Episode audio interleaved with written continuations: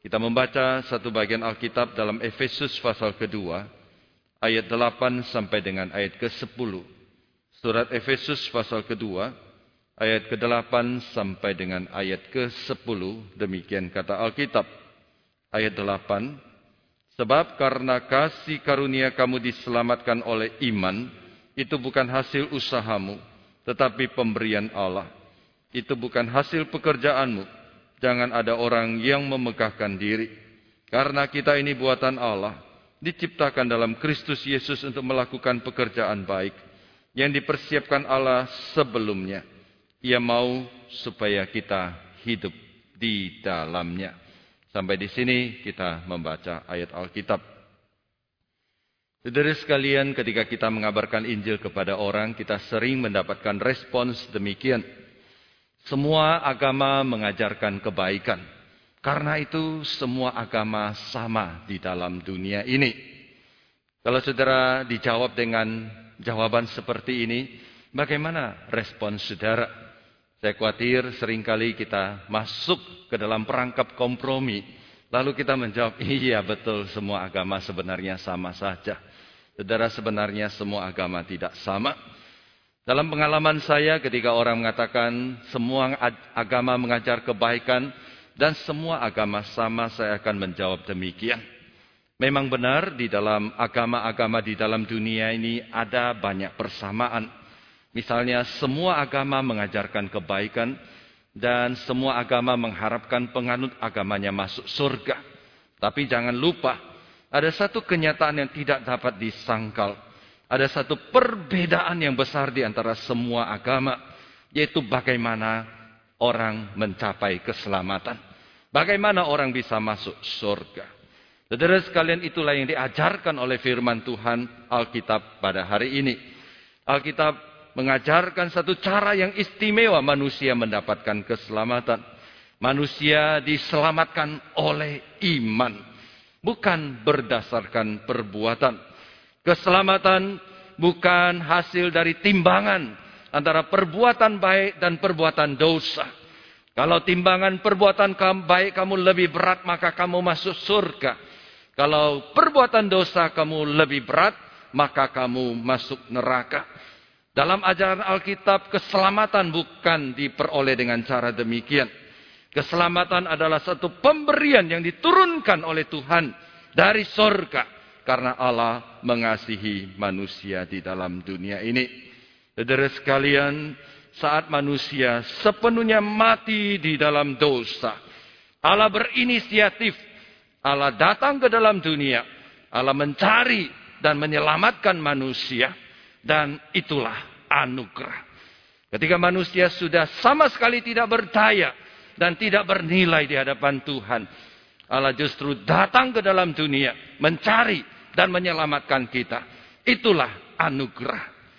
Saudara sekalian, sering kali kita tidak terlalu memahami betapa dalamnya dan betapa besarnya anugerah yang Allah berikan kepada kita. Saya berikan sebuah ilustrasi. Pada satu hari saudara berjalan pulang dan saudara bertemu di tepi jalan. Maaf, ada seekor ayam yang sudah mati dan ayam itu sudah membusuk. Apa respon saudara? Saudara sekalian tidak mungkin saudara pergi kepada ayam itu dan saudara ambil dan saudara bawa pulang. Tidak mungkin. Saudara akan menghindari ayam itu karena ayam itu sudah bau dan ayam itu sudah tidak berguna lagi karena sudah membusuk. Saudara akan menghindar dan menempuh jalan yang berbeda. Saudara sekalian ketika kita mati di dalam dosa, saya katakan maaf, kita lebih parah daripada seekor ayam yang mati. Kita mati dan membusuk di dalam dosa. Dan kita sedang menunggu kepada kematian yang kekal selama-lamanya di dalam api neraka. Tapi kita yang tak berdaya, yang mati di dalam dosa, membusuk di dalam dosa itu. Justru dikasihi oleh Allah. Allah tertarik kepada kita. Allah datang ke dalam dunia mati bagi kita, mempersembahkan nyawanya untuk menyelamatkan kita dan menghidupkan kita yang sudah mati di dalam dosa dan mendapat hidup yang kekal. Saudara, itulah anugerah. Anugerah satu pemberian Allah yang tidak terpikirkan dan tidak tergambarkan. Dan itulah yang dikatakan di ayat ke-8. Sebab karena kasih karunia kami kamu diselamatkan oleh iman. Dari kalimat ini saudara sekalian, kita belajar dua kebenaran yang penting tentang makna keselamatan di dalam Yesus Kristus. Yang pertama, kita diselamatkan oleh kasih karunia Allah, oleh iman kita kepada Yesus Kristus. Alkitab dari perjanjian lama sampai kepada perjanjian baru secara konsisten mengajarkan satu kebenaran tentang Allah kita. Allah kita adalah Allah yang baik. Allah kita adalah Allah yang selalu memberikan kebaikan, memberikan kasih karunia dan memberikan anugerah kepada makhluk ciptaannya. Jadi Allah tidak hanya menunjukkan kasihnya kepada saudara dan saya sebagai manusia. Allah juga menunjukkan kasih dan pemeliharaannya kepada ciptaan-ciptaan yang lain. Gunung, laut, pohon, semuanya dipelihara dan dilindungi Allah karena itu adalah ciptaan Allah. Tapi bagi manusia, saudara dan saya, Allah memberikan satu bentuk kasih karunia yang khusus, yaitu kasih karunia keselamatan. Dalam kasih karunia yang khusus dari Allah, Allah mengutus anaknya yang tunggal, yaitu Yesus Kristus datang ke dalam dunia, mencari dan menyelamatkan manusia-manusia yang berdosa. Yang saya gambarkan dengan orang-orang yang lebih parah daripada ayam yang mati membusuk. Yesus datang mencari, menyelamatkan kita dan mempersembahkan nyawanya untuk menjadi tebusan bagi hutang dosa kita. Yesus berkata, bukan kita yang memilih Allah, tapi Allah yang memilih kita. Satu Yohanes pasal 4 ayat 9 dan 10 berkata, Bukan kita yang terlebih dahulu mengasihi Allah. Tapi Allah yang terlebih dahulu mengasihi kita. Karena itu saudara sekalian, keselamatan kita adalah sebuah anugerah. Pemberian yang turun dari surga. Sesuatu yang sebenarnya kita tidak layak terima tapi diberikan oleh Allah kepada kita. Saudara hal ini dengan tegas disampaikan oleh firman Tuhan yang kita baca hari ini. Di ayat ke-8 sampai 10, 9 kita membaca. Bahwa keselamatan itu adalah pemberian dari Allah. Itu bukan hasil usaha kita, kata Alkitab. Kemudian diulangi lagi. Itu bukan hasil pekerjaan kita karena usaha sebesar apa pun juga, pekerjaan sebesar apa pun juga, tidak mungkin mendatangkan keselamatan bagi kita. Karena itu, tidak ada seorang pun yang boleh memegahkan diri. Saudara Alkitab memberikan penekanan ganda di sini. Di ayat ke-8 Alkitab berkata, itu bukan hasil usahamu. Diulangi lagi di ayat ke-9. Itu bukan hasil pekerjaanmu. Jadi ingat baik-baik saudara sekalian. Kalau kita boleh selamat, bukan karena kita lebih baik, bukan karena kita lebih layak, bukan karena kita berbuat sesuatu. Kita tidak bisa berbuat apa pun juga di dalam hidup kita untuk mendatangkan keselamatan bagi kita. Dan itu hanya pemberian Allah. Saudara kalau baca dengan teliti, Alkitab juga menggunakan tiga kata kerja pasif untuk menggambarkan Bagaimana manusia tidak berdaya dan hanya bisa menerima keselamatan dari Allah. Ayat ke-8 dikatakan kita diselamatkan. Ayat ke-10 berkata kita diciptakan di dalam Yesus Kristus. Ayat ke-11 ke-10 lagi berkata kita dipersiapkan untuk hidup di dalam perbuatan baik yang sudah Allah sediakan bagi kita.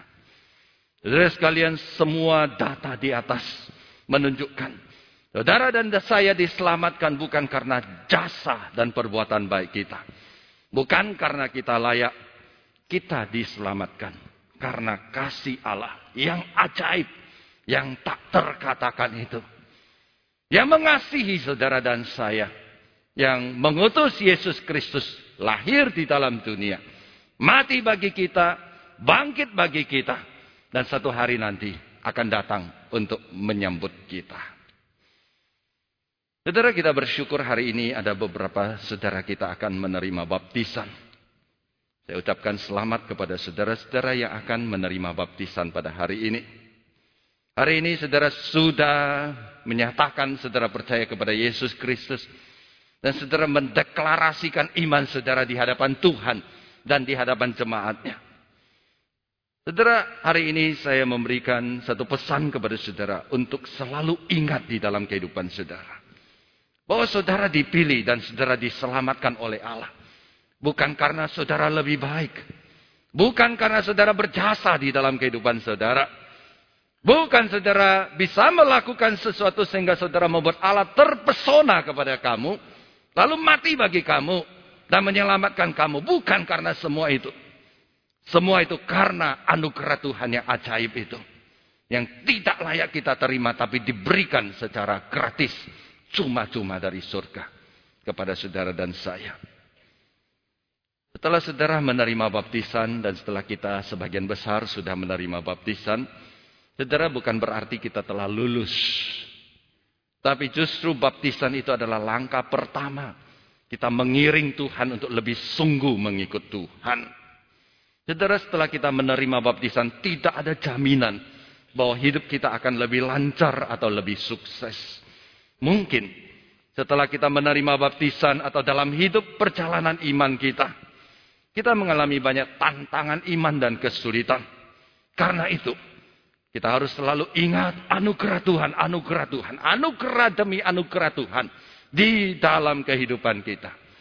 Jangan pernah mengandalkan diri sendiri untuk menjalankan kehidupan di atas bumi ini.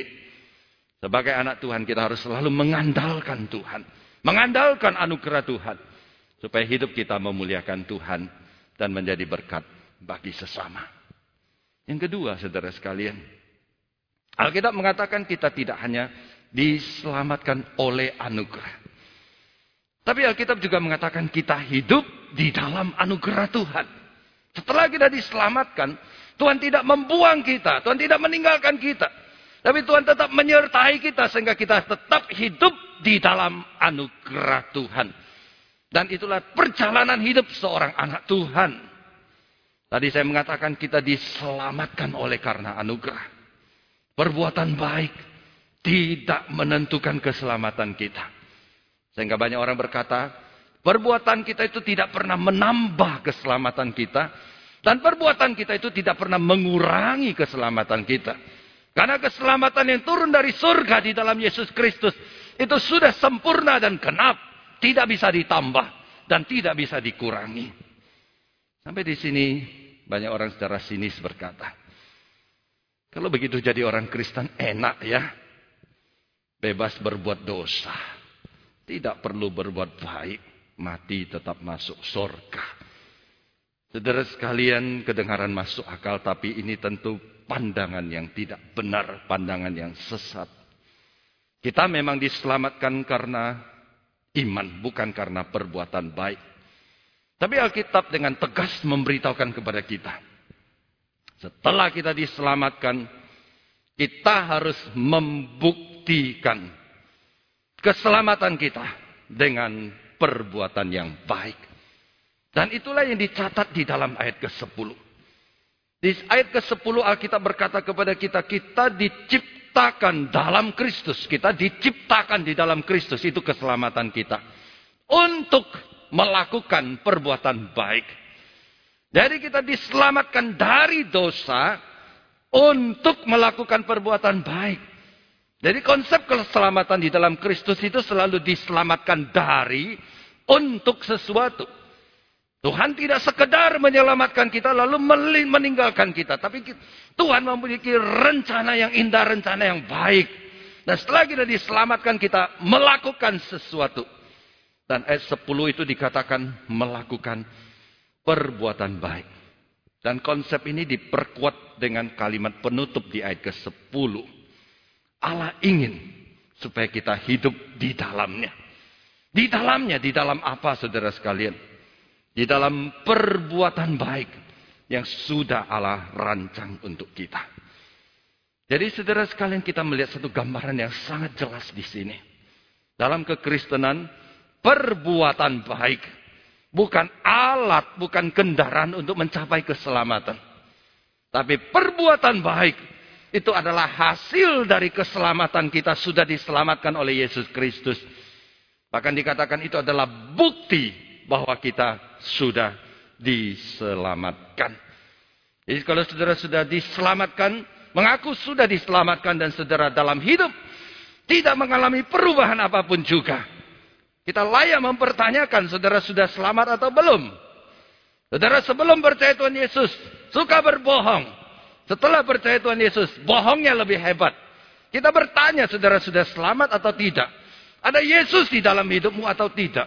Ada Roh Kudus yang mentransformasi hidupmu atau tidak? Saudara sekalian, Alkitab memberikan banyak contoh.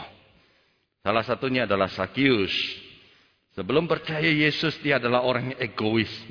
Bagaimana memanfaatkan semua orang untuk memperkaya diri. Saudara lihat Sakius yang di dalamnya satu kebaikan pun tidak ada. Tapi Allah mengasihi dia. Yesus datang mencari dia. Menyelamatkan dia, mengubah dia. Dan setelah dia percaya Yesus, ada perubahan yang nyata di dalam hidupnya. Yaitu dia sekarang memuliakan Allah dan menjadi berkat bagi sesama. Perubahan 180 derajat. Dia berbuat baik. Menjadi berkat bagi sesama.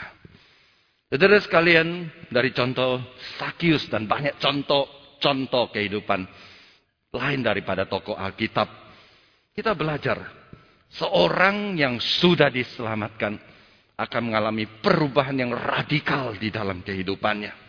Dan itulah yang dikatakan oleh Alkitab kita adalah sebagai ciptaan baru. Dua pasal setelah pasal dua kitab Efesus, Rasul Paulus menjelaskan manusia di dalam Kristus saudara dan saya di dalam Kristus adalah ciptaan yang baru. Yang lama sudah berlalu, yang baru sudah datang. Sebagai ciptaan baru di dalam Yesus Kristus. Kita memiliki tujuan hidup yang baru. Dan kita memiliki gaya hidup yang baru. Tujuan hidup kita berbeda dengan sebelum kita percaya Yesus Kristus. Dan gaya hidup kita juga berbeda. Sebelum percaya Yesus Kristus kita semua adalah hamba dosa. Yang mati di dalam dosa. Yang hidup hanya untuk berbuat dosa. Hidup di dalam dosa. Dan diperbudak oleh hawa nafsu kita. Tapi setelah kita percaya pada Yesus Kristus. Sekarang kita adalah anak Allah yang menjadi saksi Allah. Bagaimana dengan saudara? Sudah berapa lama saudara jadi orang Kristen? Dan apakah hidup saudara menunjukkan perubahan yang nyata. Bahwa ada roh kudus yang hidup mentransformasi hidup saudara. Beberapa waktu lalu seorang memberi kesaksian seperti ini. Papanya tidak percaya Yesus Kristus bahkan sangat anti Kristen. Lalu papanya dapat seorang menantu orang Kristen yang baik. Orang Kristen ini memberi kesaksian akhirnya papanya jadi percaya Yesus Kristus. Saya juga sering mendengar kesaksian banyak orang muak tidak mau ke gereja. Karena muak dengan orang Kristen yang tidak punya kesaksian di dalam kehidupannya.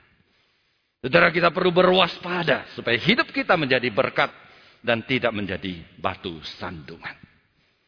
Memang saudara sekalian saya sadari untuk hidup menjadi berkat penuh kesaksian zaman ini tidak gampang. Di satu pihak kita masih memiliki sifat dosa yang tinggal di dalam diri kita. Seringkali kita punya keinginan tapi tidak bisa mencapainya. Dan di pihak lain kita tahu dunia ini adalah dunia yang jahat. Banyak godaan di mana-mana selalu mengganggu kita. Karena itu saudara sekalian, kita tidak boleh mengandalkan diri sendiri. Karena kalau kita mengandalkan diri sendiri, kita pasti gagal. Kita harus mengandalkan Tuhan. Dan itulah janji Tuhan kepada kita di ayat ke-8 yang kita baca pada hari ini. Saudara di ayat ke-8 ada satu kata yang sangat penting yaitu kata diselamatkan. Kita diselamatkan oleh karena kasih karunia dan karena iman.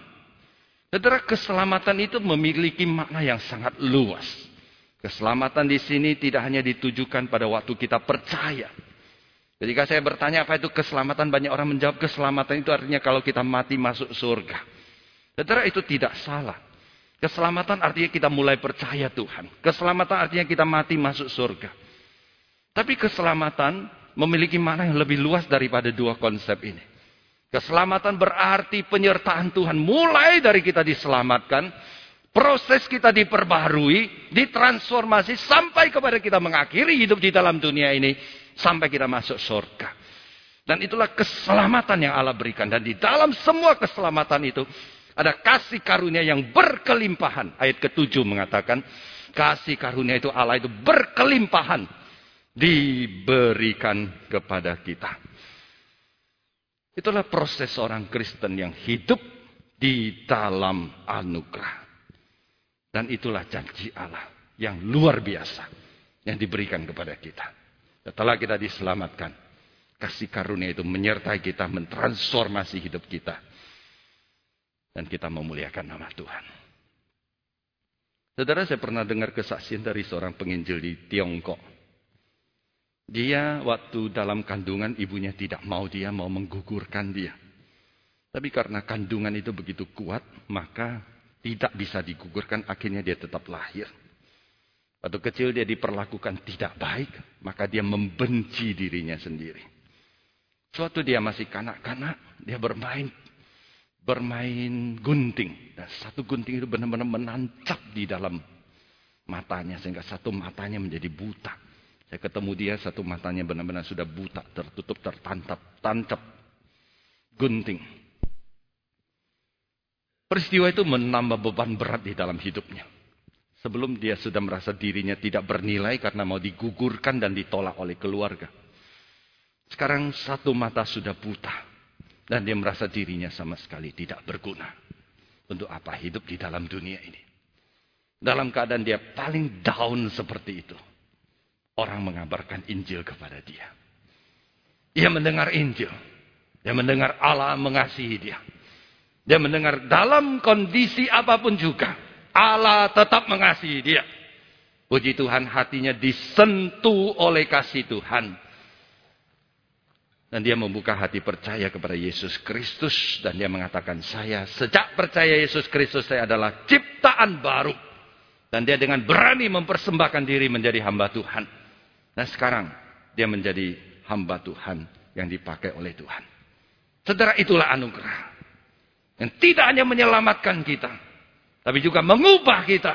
Dan menjadikan kita alatnya. Dan mengantar kita sampai selamat selama-lamanya.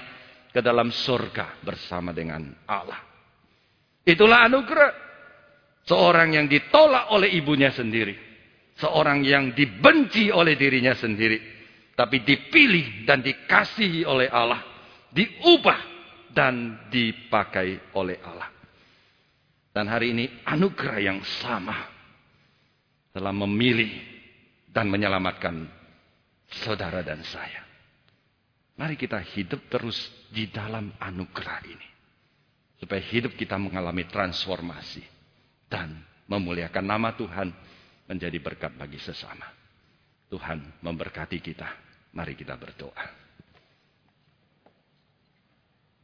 Terima kasih atas firman Tuhan yang mengingatkan kami akan betapa tidak bernilainya kami dan tidak berdayanya kami dan betapa besarnya anugerah yang datang mencari dan menyelamatkan kami. Terima kasih Tuhan, ajar kami untuk terus hidup di dalam anugerahmu supaya kami boleh memuliakan nama Tuhan. Demi nama Tuhan Yesus kami berdoa. Amin.